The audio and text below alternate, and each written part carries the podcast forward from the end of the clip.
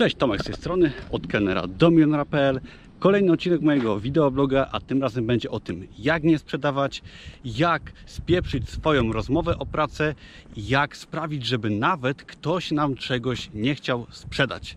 Będzie kilka fajnych rad, taki anty, anty rad na temat tego, jak sprzedawać i jak nie sprzedawać. Otóż Kiedyś jak byłem menadżerem restauracji, to zatrudniałem osoby na stanowisko kelnerów, barmanów i do pracy do restauracji. I Wiadomo, różne sytuacje były, dużo doświadczenia się zdobyło, ale nie zapomnę nigdy sytuacji, kiedy ktoś polecił mi jakiegoś kolegę do pracy, poszukiwaliśmy kelnera i ta osoba no, chciała pracować. Tak, zadzwoniłem do tej osoby, czy ona do mnie, już nie pamiętam, i wtedy rozmawialiśmy przez krótką chwilę odnośnie pracy, jak ona wygląda, i wtedy ta osoba zapytała mnie, ale jak ona, kiedy, kiedy ona musi powiedzieć, jak długo wcześniej, kiedy będzie chciała odejść z pracy.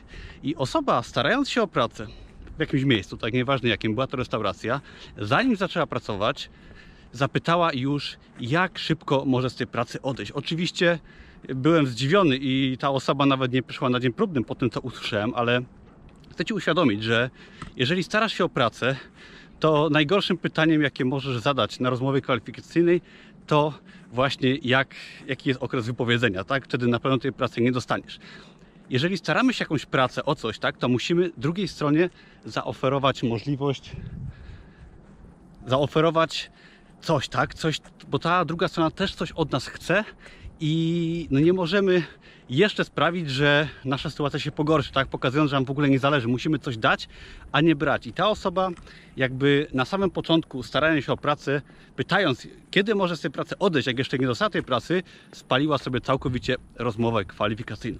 Drugi przykład, y, całkiem niedawny, niedawno, napisała do mnie osoba, która chciała kupić moje kursy. Wymieniliśmy kilka pytań, kilka zdań i ta osoba napisała, że ona przecież może te kursy zwrócić, jak je kupi, bo jest taka możliwość, tak, że jest takie prawo.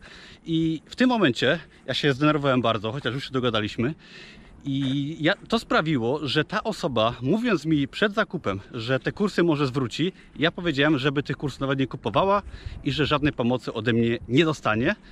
I to była sytuacja, pierwszy raz mi się zdarzyło, że nie chciałem, żeby ktoś ode mnie kupił. Tak? Osoba tak kiepsko podeszła do sprawy, że sprawiła, że nie tylko, że czegoś nie sprzedała, ale że nawet tej osobie czegoś ja nie chciałem sprzedać, co jest w ogóle ewenementem. Jak tak źle można podejść do rozmowy.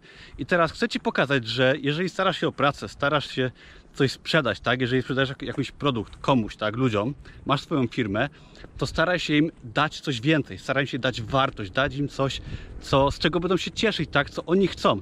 A niektórzy tak robią, że jak coś sprzedają siebie na rozmowie o pracę, swoje produkty, sprawiają, że już na wstępie sobie niszczą całą sytuację tym, że nie dość, że nie dają niczego od siebie, to jeszcze chcą od razu brać, brać, brać i to sprawia, że nikt od ciebie nic nie kupi i ty nikomu nic nie sprzedasz. Także pamiętaj, dawaj wartość w swoich produktach, w swoich usługach i w tym swoją osobą, tak? Jeżeli starasz się o pracę, to też pomyśl z perspektywy drugiej strony, co ta strona chce, co ty możesz dać i daj więcej niż ta strona się spodziewa, to na pewno uda Ci się sprzedać siebie bądź swoje produkty. Dzięki wielkie, do zobaczenia w kolejnym odcinku vloga. Myślę, że będzie troszeczkę odcinków z zagranicy.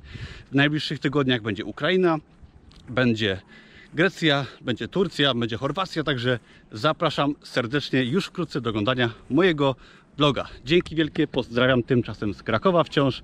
Fajnego, jeszcze letniego. Do zobaczenia wkrótce. Cześć!